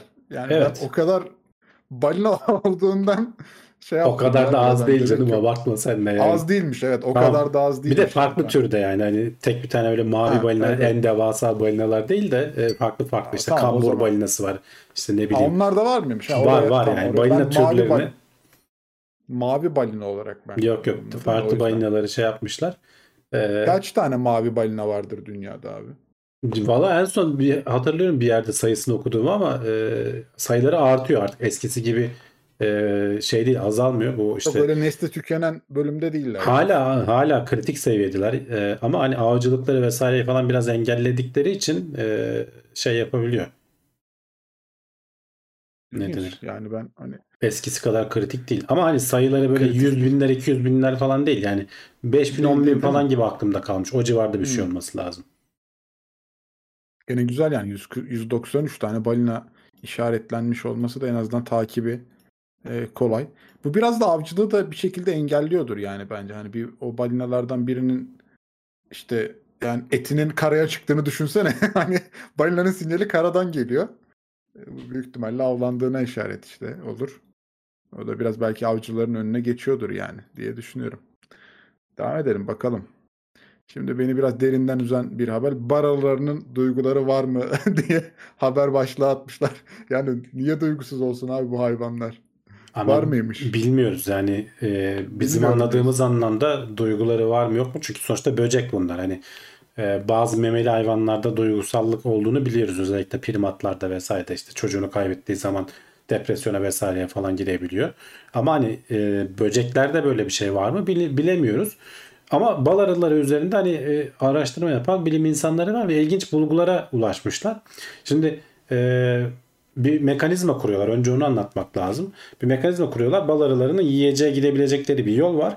Bir de alternatif bir yol var. O yolun üzerinde de böyle küçük e, tahta toplar var. Hatta onun videoları da var. Şimdi birazdan göstereceğim. Bal arıları nedensiz bir şekilde bazen o yollarını uzatıp uzattıkları halde o tahta toplarla oynamaya gidiyormuş hayvanlar. Bayağı bildiğin hatta videosu da var. Topa tutunuyor. e, topla beraber dönüyor gidiyor. Yani şu hareketi yapmasının hiçbir sebebi yok. Hayvana hiçbir faydası yok. E, özellikle de şeyi de takip etmişler. Cinsiyetlerine ve yaşlarına bakıyorlar arıların. Genç yaşta olanlar bunu daha çok yapıyorlarmış. Yani bizde de hani hayvanların çocuk olanları, e, küçük olanları daha çok oyuncu olur ya insanlarda da aynı durum vardır. Dolayısıyla diyorlar ki hani oyun oynuyorlar bunlar da. Çünkü bu bu hareketin e, hiçbir mantığı yok. Ters de bir hareket. Normalde günlük hayatlarında yaptıkları bir hareket de değil. O topu alıp sağa sola oynatmak. Hayvanlar hani böyle çocuklar alışveriş merkezinde top havuzları olur ya arılara da aynısını yapmış adamlar.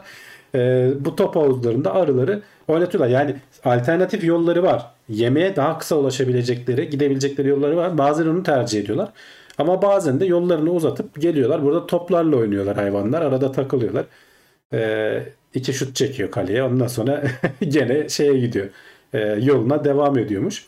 Ve dediğim gibi yaşı genç olanlar e, bunu daha fazla yapıyormuş. İşte baksana bayağı bildiğin e, şeyler üzerinde oynuyorlar. Toplar üzerinde oynuyorlar.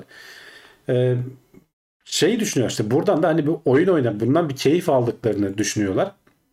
Bu oyun oynama olayından ki o yüzden yapıyorlar. Hani yolları uzatmak pahasına oraya gidiyorlar.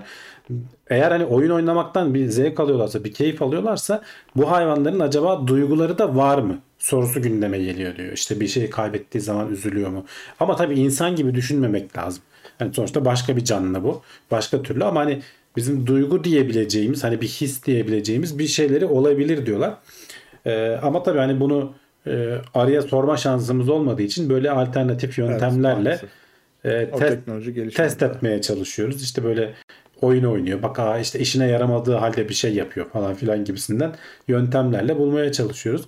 İlginç bir deney yani bu da son derece. Öyle. Ee, tam külemez de benim bahsetmek istediğim şey yazmış. Arıların büyüklük algısı yoksa belki polen sanıyordur. Tutmaya çalıştıkça yuvarlanıyordur. Yani benim de aklıma ilk öyle bir şeyler geldi. Hatta ilk sarı topu gördüğümde ama farklı farklı böyle renklere de aynı olguyu oluşturuyorlar. Hani acaba onu gerçekten hani o balı yaptığı besinlerden biri mi sanıyor da bir yere alıp götürmeye çalışıyor ya da onunla mı alakalı çok emin olamadım. Ya öyle gibi değil Hani herhalde. oyun, Çünkü öteki oyun tarafta oynuyor diyebilir miyiz acaba direkt yani ona? Direkt bu işe bir oyun oynuyor diyebilir miyiz? Yoksa aslında belki de gerçekten arkasında bir amacı var da biz mi onu tam olarak ya bunu düşünmüşlerdir muhtemelen uzmanlar da zaten. Hı hı. Hani e, öteki tarafta daha kolay ulaşabilecekleri, daha kısa yolda bir şey varken buraya dönüp buna hani özellikle gelmeleri ve yaşı genç olanların hani daha oyuncu yaşta olanların buna gelmeleri hep bu yönde aslında göstergeler. E, bu senin bu sorduğun sorular mantıklı gayet. E, ama hani bilim insanları da bunları sormuşlardır diye İnşallah. düşünüyorum ben. İnşallah. Bazen atlayabiliyorlar bazı şey. Olsun. Küremez demiş ki küp şeklinde bir şeyle denemişler mi? Ee, şekil itibariyle gidiyordur belki demişler. Yok denememişler. denemişlerdir. Denememişler. Denememişler mi? Ha. Çünkü hani onunla interaksiyona girmesi zor olabilir belki. Hani böyle yuvarlanma vesaire falan gibi şey yapamadıkları için. Toplar sadece sarı değil ama ya normal ağaç renginde toplar Farklı renkler de var evet. Top dedi de boncuk mu herhalde ya? O tam büyüklüğünden de anlaşılmıyor mu? Ya, bal arası büyüklüğünde işte onun biraz iki katı falan büyüklüğünde. Top diyoruz da hani boncuk hani sonuçta arıyla karşılaştırdığınız zaman. Ki Barko'nun bodybuilding yapıyorlar demiş. Evet. Onu ilk kaldıran kazanıyor yani. Allah'ım. İlginç yani arılar e, kraliçeden azar yeme diyenler var oyun oynadığın için. Salınacak bir şey. E, şeyi hatırlarım ya sine, sinekle mi gene arıyla mı biri baya böyle top çevirme şovu yaptırıyordu ya arıya mı sineğe mi tam emin değilim ama arkadaşlar hatırlayanlar varsa hatta YouTube'da falan videosu var yani. Ben hatırlamıyorum. Böyle veriyor onu. eline şey çeviriyor ya baya böyle top çeviriyordu. Ben şey videosu Hatta görmüştüm. İki arı e, gelip şeyin kapağını açıyorlardı. E, ne Gene denir? mi? böyle gazoz Su- gibi su evet yani böyle şekerli bir Su içecek için, var. Evet. İkisi böyle çalışıp hakikaten kapak açıyorlar yani. Açıyorlardı. Yuh Evet, demiştim yani onu görünce.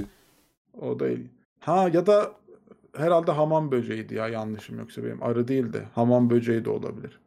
Çok emin değilim şimdi. Ama bir hayvana onu yaptırdıklarını biliyorum yani.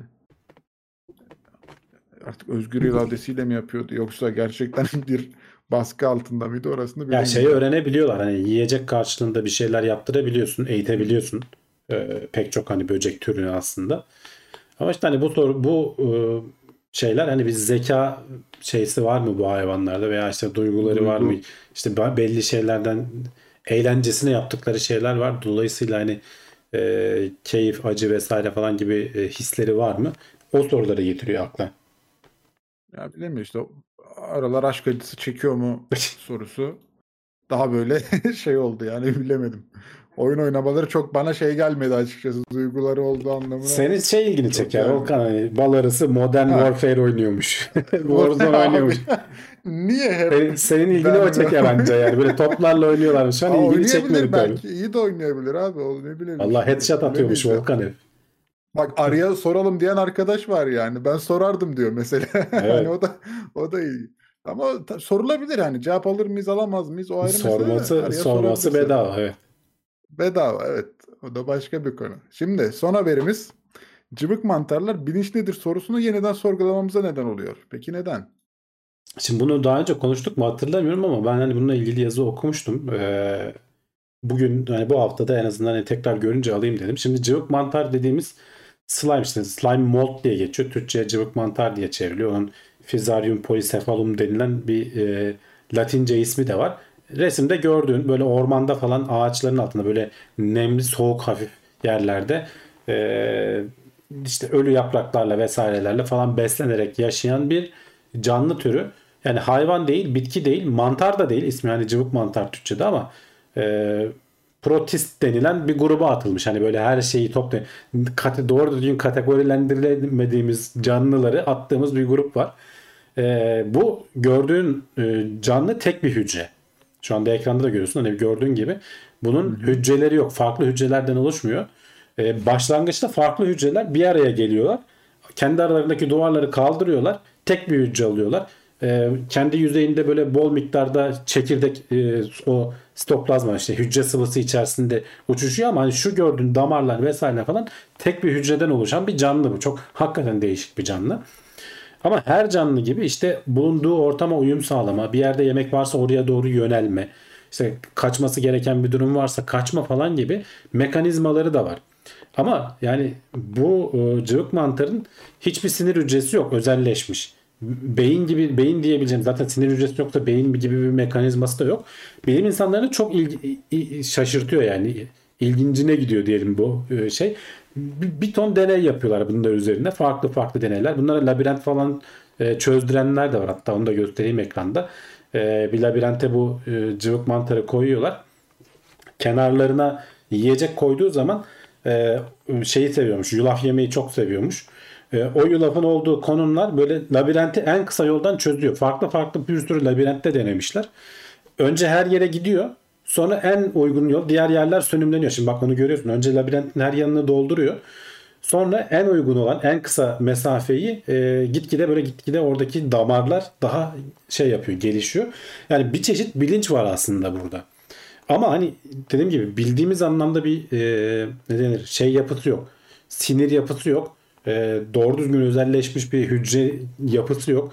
Nasıl oluyor? Yani nasıl bir iletişim kuruyor da bu canlı kendi içerisinde bir tarafa doğru yönleniyor?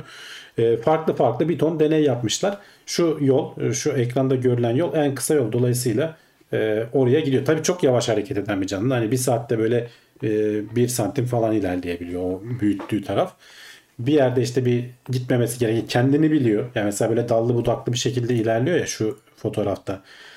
Önce bulunduğu yere bir tane böyle koyuyorsun. O böyle etrafa doğru yayılmaya başlıyor. Sonra tekrar kendisine geldiği zaman o dallar diyor ki tamam ben buraya daha fazla gitmiyorum. Yani kendi kendini de tanıyabiliyor. Çok değişik bir yapı. Ee, bunun üzerine çok kafa yoran e, bilim insanları var. Yani böyle e, şu an bak şu ekrandaki videoda şeyi koymuş. Bu yulafları koymuş. Ee, şeylerin istasyon merkezleri bu. Tokyo metrosunun istasyon merkezleri. Bu istasyonları birbirine nasıl bağlardı diye e, şey yapıyorlar. Deneme yapıyorlar. Hakikaten Tokyo metrosunun birebir aynı kopyasını e, hatta e, hatlardan biri bozulursa daha iyi olacak şekilde simüle edebilmiş canlı. Hani bunun üzerinde çalışabiliyorlar. Çalışıyor bilim insanları diyeyim. Önce dediğim gibi her yere bir gidiyor. Sonra en verimli olan yerlerde kalıyor. Oradaki hatları güçlendiriyor. Çok böyle ilginç deneyler yapıyorlar ve bu e, canlının hani dediğim gibi hiçbir özelleşmiş mekanizması olmayan canlının nasıl bir bilinç ortaya yani bilinç nedir sorusunu e, şey yapıyor. Nasıl bir iletişim kurdu. Orada da şöyle bir mekanizma var diyorlar. Kendi içerisinde hani o zeka şeyi bu onun da bir videosu var onu da göstereyim küçük böyle atımlar halinde ilerliyor canlı. Yani o bir damar gibi düşün o küçük kolları. Onun içerisinde sürekli böyle e, hareket halinde böyle e, sinyal götüren bir şey var. O sinyal hızlandığı zaman mesela bir yerde şeker bulduğu zaman bir besin bulduğu zaman oradaki sinyal daha hızlanıyormuş ve o sinyal diğer taraflara senkronize olarak yayılıyormuş. E, ve dolayısıyla o tarafa doğru hareketleniyormuş. Yani bu tarz böyle doğadaki sistemler geçmişte de konuşmuştuk. Emergent deniyor İngilizce'de. Türkçesini tam olarak nedir? Kendi kendine ortaya çıkan mekanizmalar. Ee, herkes kendi aslında bulunduğu konumdaki bir şeyi yapıyor. Onların hepsi toplandığı zaman e, büyük, daha büyük çapta bir üst e, şeyde hani biraz zoom out yaptığın zaman böyle uzaklaştığın zaman bambaşka sonuçlara neden oluyor.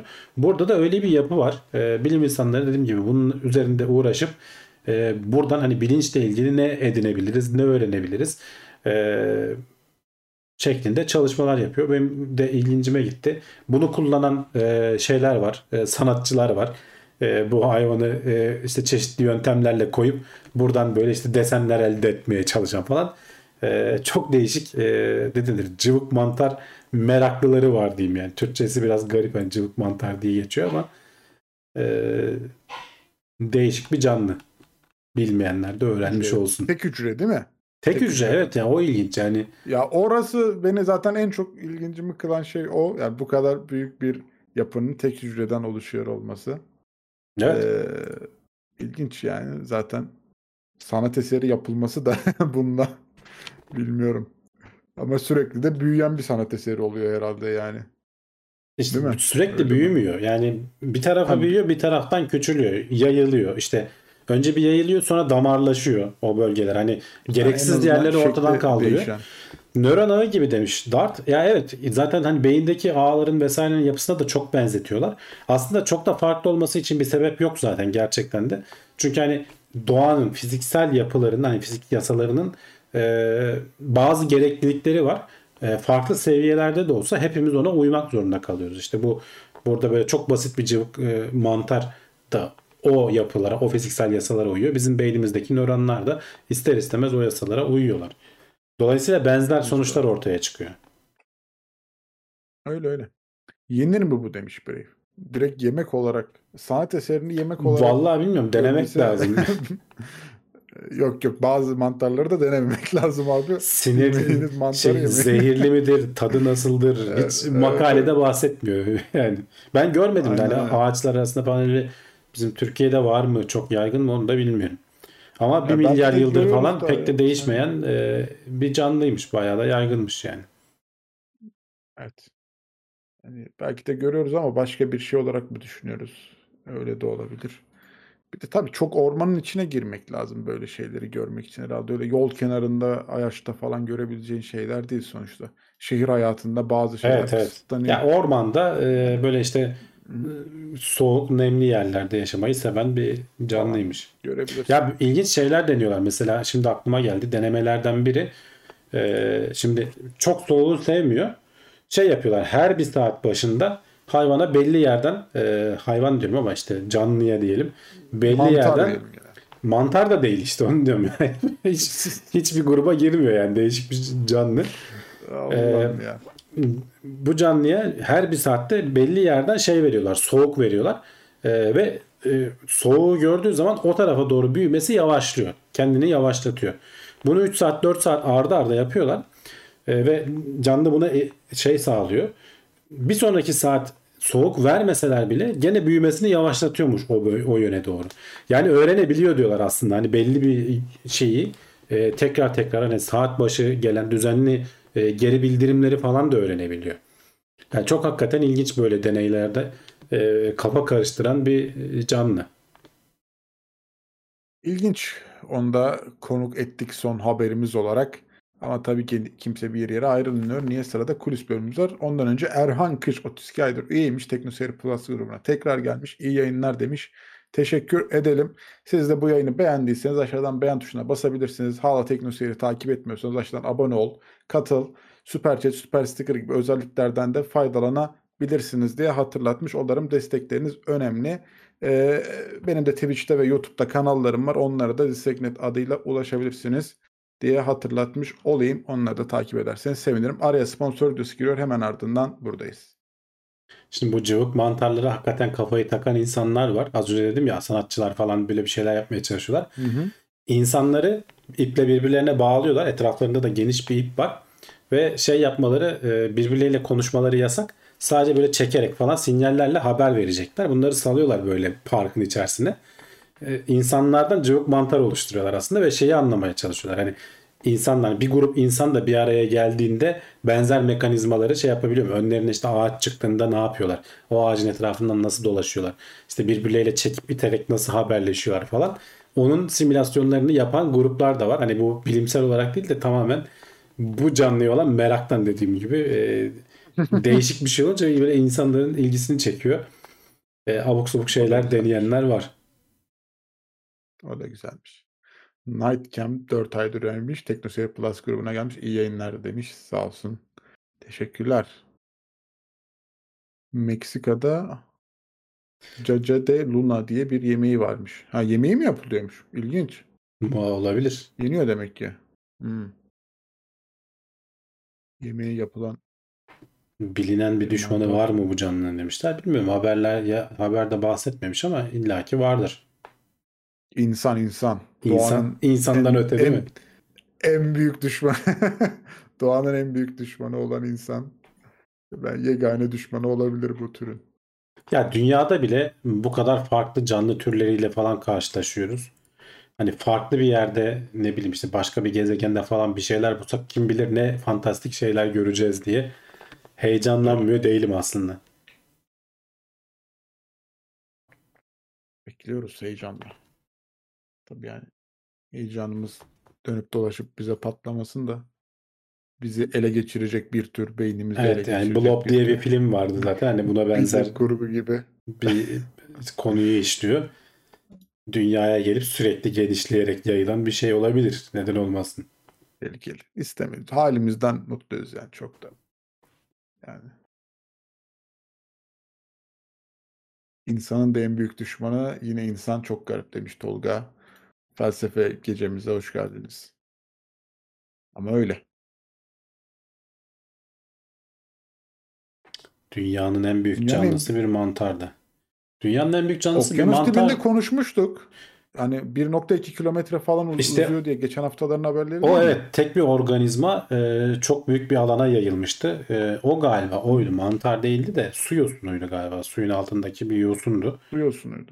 Hı hı. E, aynı DNA'daki canlı hani çok uzun yerlere yayılmış. Bunun karada da versiyonu da vardı. Böyle kilometrelerce yayılan ve yerin altından aslında birbiriyle bağlantı halinde olan bir ağaç şeyi vardı. Hatırlayamıyorum şimdi adını da. Mantar değildi galiba. Mantar da vardır muhtemelen yerin altında böyle birbirleriyle haberleşen bağlantı Bir içinde olan. ormandan bahsetmiştik. Evet. Yani öyle bir şeyden bahsetmiştik. Kökleri bir olan. Evet evet. O haberde zaten ormandan da bahsetmiş de ondan da daha büyük demiştik o suyun altında olan. Valla mantar evet ilgimi çekmedi açıkçası. Bir de cıvık olarak adının geçmesi pek de. Güzel bir Mantar, isimlendirme o ya. kültür- Bence hakikaten Kültür mantarı güzel yani yemeklere koyuyoruz, yiyoruz. Bir de şey var, istiridye mantarı. Daha pahalı. O da bulursak. Valla insanlar hala Yani bilmedikleri yeme mantarları üzerine. yiyip zehirlenen bir sürü insan var. 6 kişi işte biri öldü. Haberlere çıktı yani. Evet. Adam mantardan gitti. Ailesi zehirlendi. Tedavi görüyorlar. Zor durumlar ya. Gerçekten. O yüzden kültür mantarı iyidir evet. Klasik. Çok şaşmamak lazım. Zehirli mantarlar da çok çekici demiş Yasin. Bilmiyorum nesi çekici geliyor insanlara. Yani yok almayalım gene de ya. Onu da yemeği veririz. İşte yani. renkli falan insan diyor yiyin şunu. E, işte öyle olmuyor. Renkliyse falan doğada bulaşmayacağım pek. Bilmediğim şeye dokunmam bile ya. Yani hani çekinirim yani. Dokunarak bile bulaşabilir. Bu mantarlar için test kartları üretilemez mi zehir tespiti için demiş Ah- Ahmet Şahinol. Olabilir ama yani işte o bizim doğada zaten onları bulup yiyen adamlar zaten ilgilenmiyor ama bir de oranın yerlisi falansa biliyor olması lazım ama demek ki Ama abi mantar yani çok şaşırtıyormuş ya zaten. Birbirlerine de benziyormuş yani zehirli Ha, o da olabilir, evet. ayırmak. Hı hı.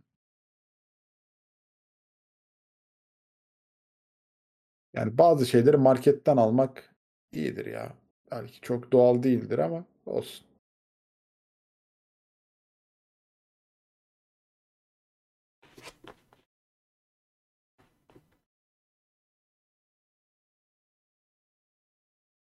Bilenler ayırıyor, bilmeyene musalla taşı. Bilenler bile bazen şaşırıyor işte. adam. Şaşırıyor, Belki evet. ömründe Ya- kaç defa emiş. Şimdi farklı oluyor.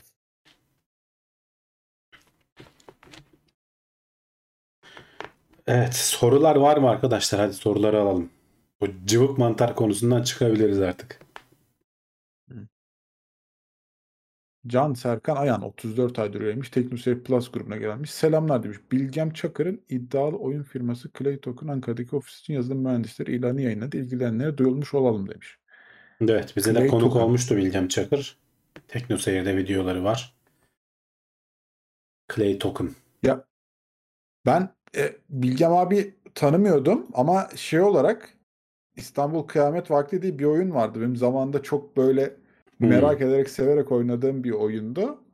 E, meğer onun hani yapımcısıymış. Çok ondan sonra duyduğum zaman çok şey olmuştum yani. E, hoşuma gitmişti, ilgincime gelmişti. Türkiye'nin bence güzel İşte biraz sen bu yazılımı boş yani. vermeseydin bak Ankara'da ofisleri varmış. Gider çalışırdın Volkan. Evet evet. Fırsatlar geliyor. Sen bırakıp bırakıp geçiyorsun. Ya yok abi şimdi bir başka planlarım var. Ee, bakayım hayat bizi ne tarafa sürükleyecek. Futbolcu mu olacaksın? Yok güzel güzel güzel şeyler olacağını Hadi inşallah. projelerim var. Teşekkür ediyorum. Girişimci mi Güzel olacaksın? Kendi edeceğim. kendi ticaret hayatına mı atılacaksın? Yok girişimci değil de hayat kalitemi arttıracak bazı eee, şeyler yaşanabilir her an bilmiyorum. Piyango. Piyango bileti almış Volkan arkadaşlar. Çok Şeyde iyi görüşelim. Yılbaşı çekilişinde. Yılbaşında. Yılbaşı çekilişinde görüşelim. Her akşam 40 kere yazıyorum. 40 kere yazarsan olurmuş 50 olur.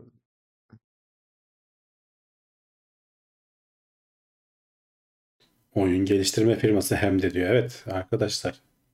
Firma çok. Yazılım dünyasında. Uzaya e, Ya uydu gönderen firma da var gene Ankara'da. E, bizim e, danışmanlığını neydi? Umut Yıldız'ın yaptığı. hangisi ya şey mi? Ee, Bize konuk da oldu ya. Adını unuttum firmanın şimdi. ben de şimdi sen söyleyince aklımdan gitti ya. Yok.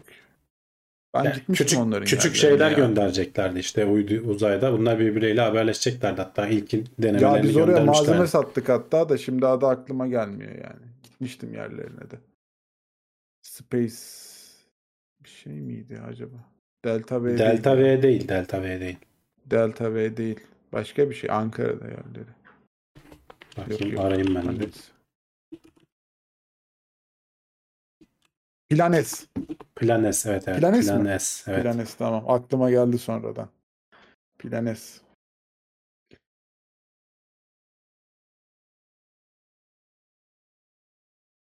Danışmanlık mı veriyorsunuz oraya bir de? Kim veriyor? Sen dedin ya bir danışmanlık Yok ben veriyoruz. demedim ya. Umut Yıldız dedim. Oranın Ha pardon. kurucularından falan dedim. Biz, bizimle ne işimiz Ha. olur abi? Uzay firmasına ne danışmanlık vereceğiz? ne bileyim abi bazı dedim nasıl bir alanmış o. Meriç demiş ki hayat kalitesini arttıran en büyük şey eve kedi almaktır. Gurul gurul pofidik pofidik demiş. Ayda. Volkan öyle bir şey mi yapacaksın? Yok abi öyle bir şey yok. Yani evde hayvan beslemek herhalde atacağım son adımlardan biri olur ya.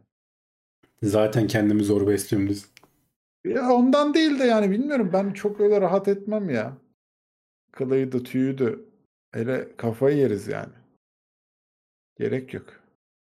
Bikot demiş ki işte TeknoSeyir'e popüler bilim yayıncılarını ve bilim adamlarını konuk alacak mısınız? Ya teknoloji ve bilim gündemine alamayız. Onu başta konuştuk. Ee, bizim burada haberleri değerlendirirken sıkıntı oluyor. Ayrı bölüm yapmak lazım. Onlara da uğraşmak lazım. Ben şeyi biliyorum. Erkcan Özcan'ı almak için e, Cevdetler işte gelecek bilimde deli gibi uğraşıyor. Celal Hoca'yı ikna etmek için deli gibi uğraşıyorsun. E, çünkü hani yoğunlar. E, Sonuçta onların da kendilerine göre işleri var. E, Bizde ona uğraşacak iş gücü yok. Kim uğraşacak ona? Hani sürekli mesaj atacaksın da ayarlamaya çalışacaksın da falan. Biz diğer yayınları destekliyoruz diyeyim yani şu an için. En başta işte Erkcan Özcan'ı az önce duyurmuştuk Evrim Ağacı'nda geçen yayın yaptı. Ondan önce gene kara deliklerle ilgili ODTÜ'den bir hoca vardı şimdi adını hatırlayamıyorum. E, bu aralar canlı yayınları oluyor Evrim Ağacı'nın. Gelecek bilimde de zaten sürekli yayınlar oluyor. Hani buraları takip ederseniz oralara çıkıyorlar zaten. Balık da mı Tekno? Seyir'e Selçuk ama Bayraktar yok. konuk gelsin demişler. He. Yani güzel olur. Bulabilirsek gelir. Gü- Güzel olur valla.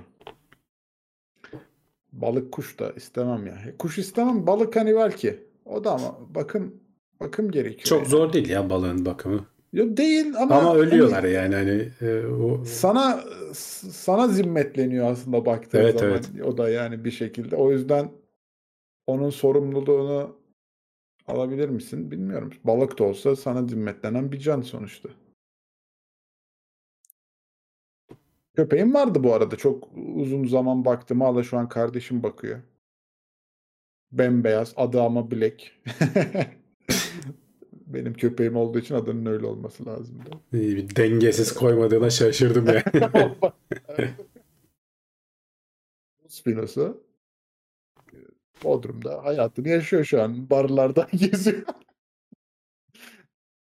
Elon Musk'ın geldiğini düşünün demiş Tart. Yani herkes gelebilir canım o zaman çıtayı alçak tutmayalım yani. Joe Biden'ı da çağırırız Amerikan başkanını. Bir, bir deepfake yapmaz mıyız bana abi Elon Musk Değil mi? Ha? Ne olacak? Anlatırım.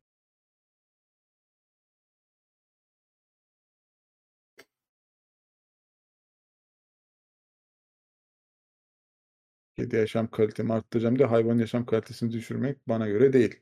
E, böyle bir açıdan da evet o, o da şey yani. Ama kedi de hayatından mutlu oluyor çoğu evde. Kediler evde mutlu olur ya. Kediler yaşam kalitesi evde düşmüyor kesinlikle öyle bir şey yok yani. Hı hı. Kedi için hani normal bizim 100 metrekarelik evler yeterince büyük. Koşturabileceği kadar alan var. Bir de işte sıcak bir yemek var önüne gelen. Öyle kedinin doğada ben gezi köpek gibi değil yani. Köpek biraz daha gezen dolaşan bir hayvan. Evde besliyorsan bir de köpeği her gün dışarı çıkarman lazım. Kedi öyle değil. Kedi bir evin içinde rahat rahat mutlu olur Evden yani. dışarı çıkmıyor. Çıkarman gerekmiyor aynen. Bir de yani başka yere çıkınca da hatta hastalık falan kapanlar var yani o alıştığı ortama çok şey gerek kalıyor, yok gerek yok yani. Hani dışarıda başına da bir iş gelir falan. Optimus Subtimum 32 aydır üyemiş Teknoseyir Plus grubuna. İyi yayınlar demiş. 32 ay gayet iyi. Teşekkürler. Avustralya'ya özgü hayvanlar neden genelde keseli? Bu evrimsel bir gelişim sonucu mu? Evet. Yani adada olanlar genelde birbirine benziyor. Ee, Başka dünyanın başka yerlerinde de var keseli hayvanlar. Ee, Güney Amerika'da vesaire falan da var yanlış bilmiyorsam. Ama şeydekiler çok yoğun. Hani Avustralya'ya yoğunlaşmış ve çeşitlileşmiş. Bu işte evet yani evrimin net göstergelerinden bir tanesi aslında.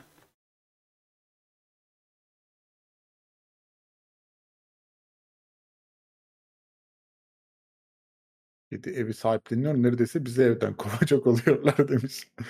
Bir de surata yatması değil mi? Kedinin sabah kediyle uyanmak zor olabilir ya.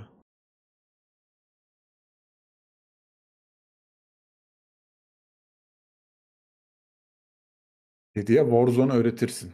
Oynar. Yapacak bir şey yok. Evrim neden kanun değil? Ya şimdi bunun hani açıklaması aslında pek çok şeyde var. Ee, kanun dediğimiz şeyler yani teori bir şeyi açıklayan şeylere teori diyoruz ve onun gelebileceği en yüksek seviye. Kanun dediğimiz şey hani çok daha net olan e, şeylere kanun diyoruz. Mesela işte ne bileyim F eşittir ma gibi. Ee, doğrudan e, bir böyle denklemle net cevabını verebildiğimiz şeylere kanun diyoruz. Onun dışında bir daha kompleks olguları açıkladığımız her şeye bir teori diyoruz. Ama bu teoriler hani kanun değil, kanunun altında gibi düşünmemek lazım. Onun gelebileceği en son nokta orası zaten. Daha ötesi yok yani hani evrim için veya işte yer çekimi için, kütle çekimi için.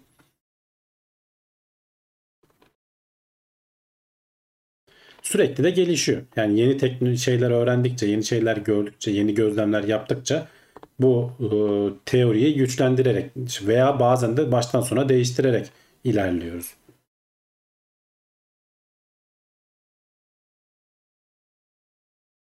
Hipotez ile teoriyi karıştırıyorlar genelde demişler. Ya aslında hipotezle teori e, birbirini daha doğrusu hipotez teoriyi besleyen bir şey. Önce bir hipotez ortaya çıkarıyorsun. Hani bu şöyle olabilir diye. O deneniyor, deneniyor. Yeterince denendikten sonra artık o konuyu açıklayan elindeki en güçlü şey haline geldikten sonra ona teori diyorsun aslında.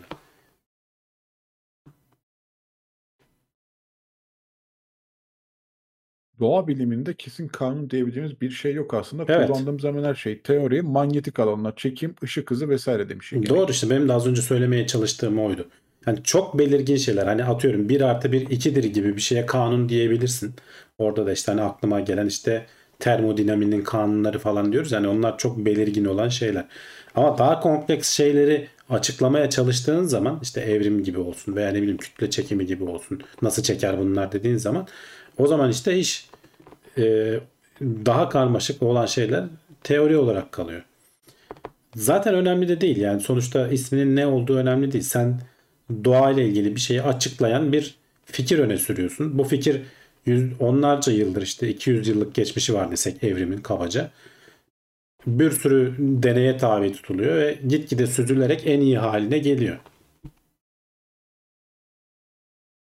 Ee, bu arada matematiksel olarak eee, daha rahat çözülebilen şeyler kanuna daha yatkın oluyor. Ya onun Yani daha güzel bir açıklaması vardır. Şimdi ben şeyler. hani böyle dedim. Yanlış Hı bir şey de söylemiş olmayayım ama e, daha güzel bir açıklaması da vardır zaten bunun. Gene aklımda hani Evrim Ağacı bunu e, Çağrı çok güzel anlattığı bir video vardı yanlış hatırlamıyorsam. E, bizde de teknoloji ve bilim notlarında geçmişte başka bölümlerde bunu konuştuğumuzu hatırlıyorum. Aralarındaki fark nedir diye. Erdinç abi demiş ki üçgenlerin iç açılarının toplam 180 derece kanun değildir bu durumda demiş ama sen işte tam bir çapı 360 derece aldığın zaman onu artık kanun diye Yani iki- söyleyebilirsin 180 derece İki boyutlu bir şeyden bahsediyorsan Evet. e, üç iç açıların toplamı 180 demek e, kanundur diyebilirsin. Hani ama matematikten bu kanunu biraz şeyde kullanmıyoruz. Hani matematik, geometri falan gibi şeylerde kullanmıyoruz da daha çok fizik falan gibi alanlarda kanun lafı geçiyor. Doğayı açıklayan şeylerde. Matematiğin kendisi hani zaten biraz e, ne denir? Soyut bir şey olduğu için onun başka terimleri var. Yani TOG'un lansmanına gittin mi abi? Gideceğim demiştin. Gittim, gittim. Optimus Subtimum hatırlatmış. Geçen Neler hafta var? Ne- konuştuk aslında. Neler Sen, sen uyurken biz onu ben konuştuk. yok muydum? Volkan. O ara... Hadi be yapma be. Bir şey O yoktu ya. Yani televizyonda izlediğinizi ben de orada oturdum izledim. Hani beni niye davet ettiler? Çünkü e, iş ortaklarına da hani davet gidiyormuş. E, biz de inşallah iş ortağı olma potansiyelimiz var diye gitmezsek belki işi bize vermezler diye ben de kaptırdım gittim Bursa'daydı.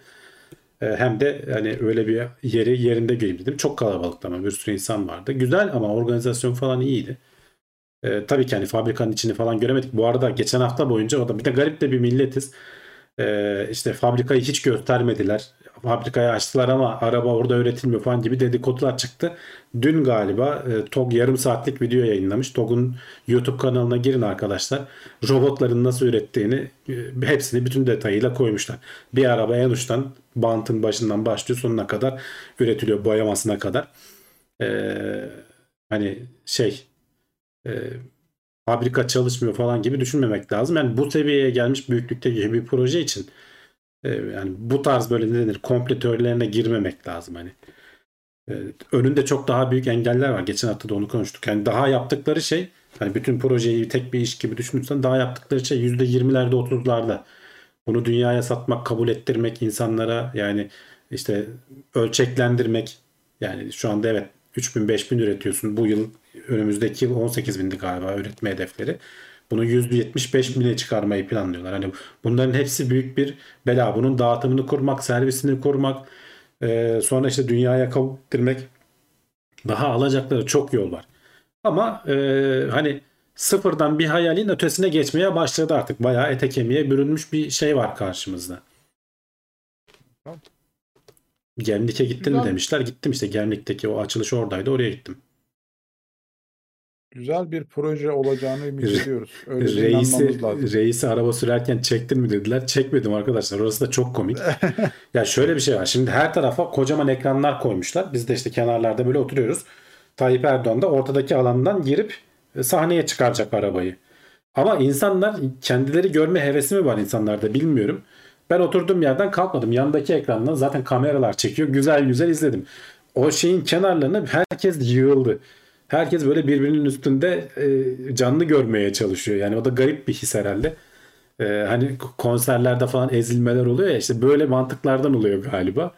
Ben vallahi oturduğum yerden kalkmadım. Çünkü ekran var kocaman. Zaten en güzel açıdan çekiyor adamlar.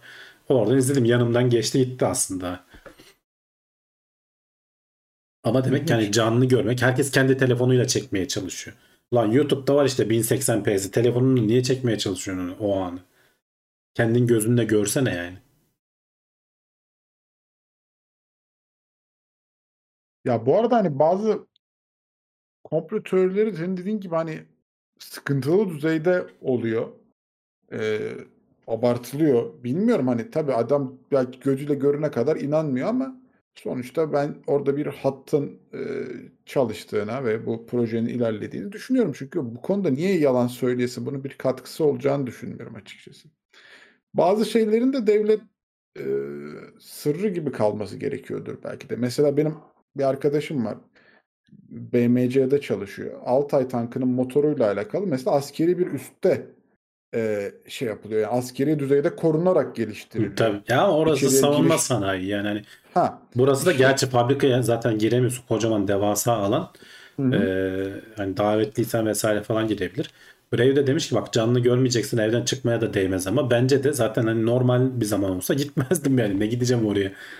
Hani e, o kadar insanın arasına ama dedim ki burada hani davet olunca gitmek lazım diye gittik.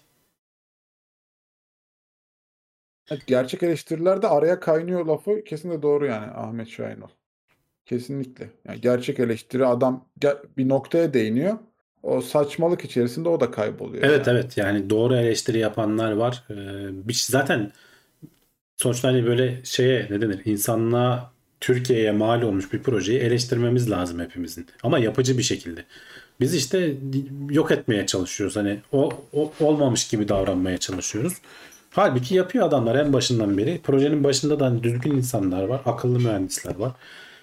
Yani olursa bu Türkiye için, hepimiz için faydalı bir şey olacak. Keşke başarıya ulaşsalar. Öyle öyle. Yani mesela ben isterim ki abi harbiden yani Selçuk Bayraktar gibi adamlar daha çok olsun. Türkiye'ye böyle çok ciddi, çok daha güzel projeler kazandırsınlar. Ya onda bile Bizim sorun oluyor bak. İHA bu- bu TOK hadi daha abi, yeni üretildi. Yani. Bu şimdi bu İHA'lar konusunda da şimdi ya işte bak hep siyasete girince böyle oluyor. Ya dünya sıraya girmiş durumda adamın İHA'larını almak için. Hakikaten öyle. Yani her yere satıyorlar şu anda. Bu ne bu ne demek? Yani bu ve hani savaşlarda falan da test edilmiş ki insanlar almak istiyorlar ve milyon dolarlar para veriyorlar. Ya biz bunu küçültmeye çalışıyoruz. Savaşta kullanıp teşekkür ediyor yani. Hani anladın mı? Ya Savaşta bir de garip bir şey oldu. Bu Ukrayna teşekkür ediyor. savaşında bir garip şeyler oldu. Öyle öyle. Halklar böyle kendi aralarında para toplayıp falan almaya kalktı. Hani işin sosyal e, medya boyutu falan da aldı yürüdü. Bir garip bir durumlar oldu. Türkiye'nin faydasına bunlar. Bizim ülke olarak imajımız gelişiyor. Öyle öyle. Biz böyle düşüneceğimize bir grup yok etmeye çalışıyor. Bir grup olduğundan büyük göstermeye çalışıyor. Ya bir şunlardan kurtulabilsek ama işte olmayacak bir şey. Ya biz, Siyaset biz böyleyiz yani. böyledir. Biz böyleyiz evet. Sa- ya herkes kendi perspektifini düzgün açması lazım yani. Ne kadar gözünüzün açık olacağına sizin karar vermeniz lazım. Hangi yorumları alacaksınız, hangi yorumlar yapıcı, hangi yorumlar yıkıcı buna göre analiz etmek lazım yani. Ben mesela bugün biri gelip bana ya sihalar çok saçma adamlar çaldılar çırptılar derse yani ben o adamla ilişkimi keserim. Bunun başarısı ortada bunu görememek bence bir başarısızlık.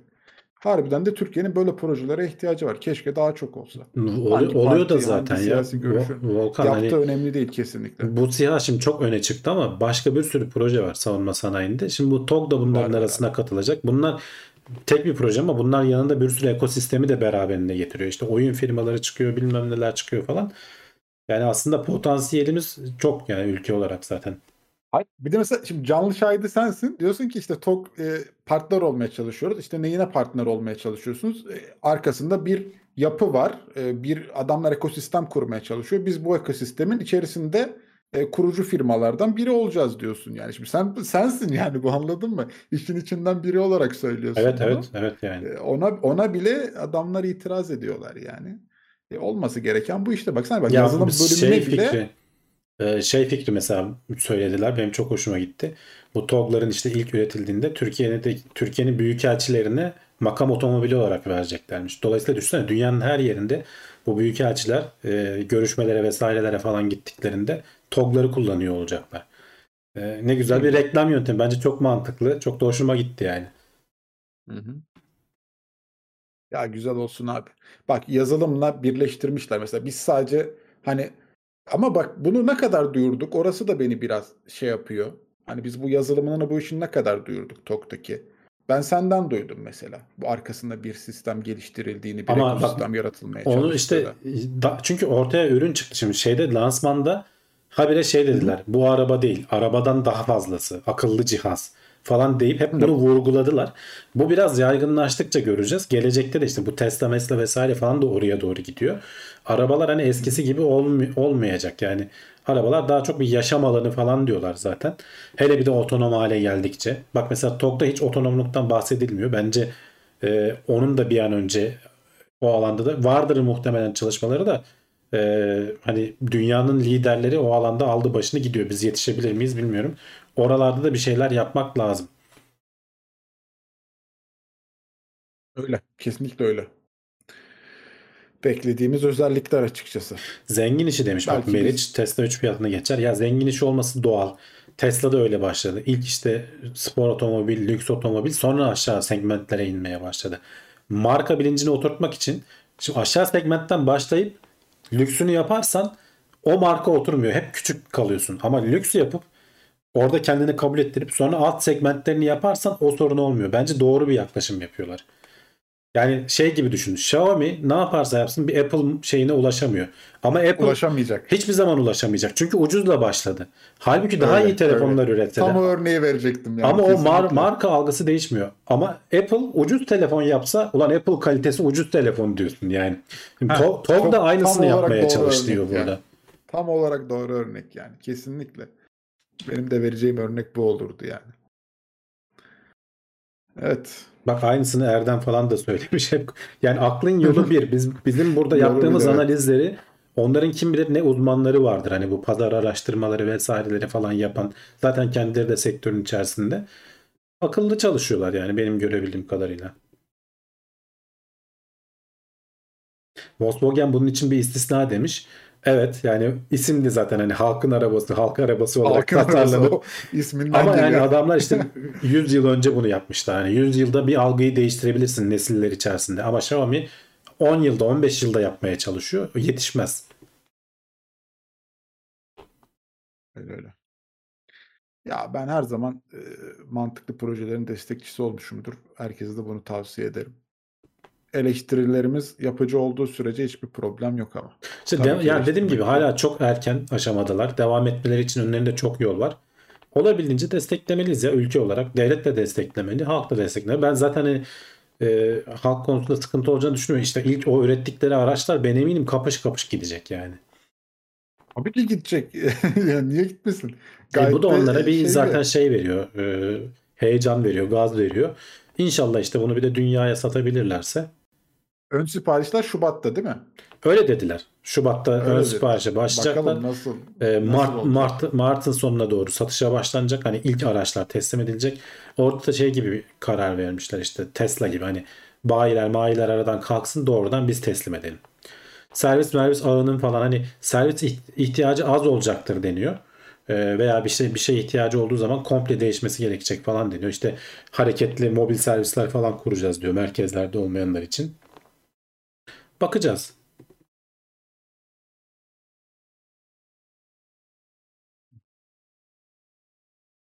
Evet bakalım başka neler var. Bikot demiş ki siz gerçekten Volkswagen, Mercedes, Toyota, Tesla vesaire ekosistemiyle TOG'un baş edebileceğine inanıyor musunuz? Türkiye milyarlarca lira açık veriyor. Çözüm TOG mu yani? Yani çözüm TOG değil. Türkiye TOG Değil. gibi pek çok şeyi üretip dünyaya satması lazım. Bir yerden başlamamız lazım. Baş edebilir mi? Çok zor. Kabul ediyorum. Yani Mercedes, Toyota ile parası olan yerlerle. Ama yani görüyorsun SpaceX Boeing'e toz attırıyor. 20 sene önce olmayan firma e, tur bindiriyor yani adamlara. TOG'da neden öyle olmasın? Yani doğru adımlar yapılırsa olabilir. Tam böyle değişimi yakaladığın anda mesela SpaceX ne yaptı? Dikine inebilen rokete kastı. Teknoloji o noktaya gelmişti. Şimdi araba için de diyorlar ki teknoloji bu elektrikli arabaların tam yani böyle geçmişten içten yanmalı motorla olsaydı buraya varamazdık diyorlar. Ama bu bizim için fırsat. Doğru zamanda başlandı. Bunu altına iyi doldurabilirsek, algısını iyi yapabilirsek, kendi kendimizi baltalamazsak bir şansımız var diyorlar. Bak bir şans diyorum. Hani başarılı olur demiyorum. Onu da göreceğiz yani inşallah olur. Şey de aynı şekilde hani az önce bahsettik ya İHA konusu. Yani insansız hava araçları bir böyle devrimin tam böyle geçiş anına tam denk gelmiş Bayraktar Çok güzel gel. ve güzel iyi geldi. değerlendirmiş. Bir anda e, firma oldu adamlar. Hani dünya dünyada tanınan firma oldular. E aynısı TOG için de olma ihtimali var. Hala zor ama dediğim gibi Mercedes vesaire falan gibi hani devlerle rekabet etmesi ama yani olmaması için de bir sebep yok. Sonuçta hani e, bunları hesaplamışlardır. O işe para yatıran 5 tane işte baba yiğit dedikleri adamlar sonuçta her biri yatırımcı. Yıllardır hani bu işlerde çalışan insanlar. Ben eminim zorlu grubu parasını çöpe atmak istemez ya da işte ne bileyim oradaki diğer e, girişimciler parasını çöpe atmak istemez. Çok ince eleyip sık dokunmuştur. Pek çok kişi girmedi. Bu kadar ertelenmesinin sebebi de e, şey olmaması hani şimdiye kadar buna cesaret edebilecek birilerinin olmaması. Bu sefer ortaya çıktı. Birileri bir ikna edildi bir şekilde. Bu işe giriştiler. İnşallah başarılı olurlar. Öyle. Evet.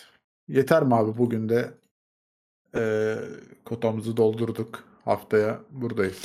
Var mı senin Evet. diyeceklerin? Yok söyleyeceğim bir şey yok. Ee, gene buralarda oluruz. İnşallah bir aksilik bir sıkıntı çıkmasa. Şimdi şey mi bekliyoruz haftaya? SLS'i mi bekliyoruz?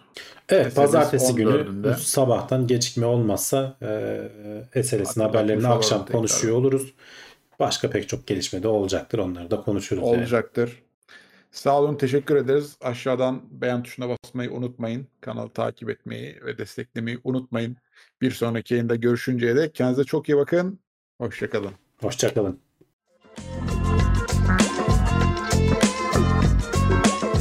Tailwords teknoloji ve bilim notlarını sundu.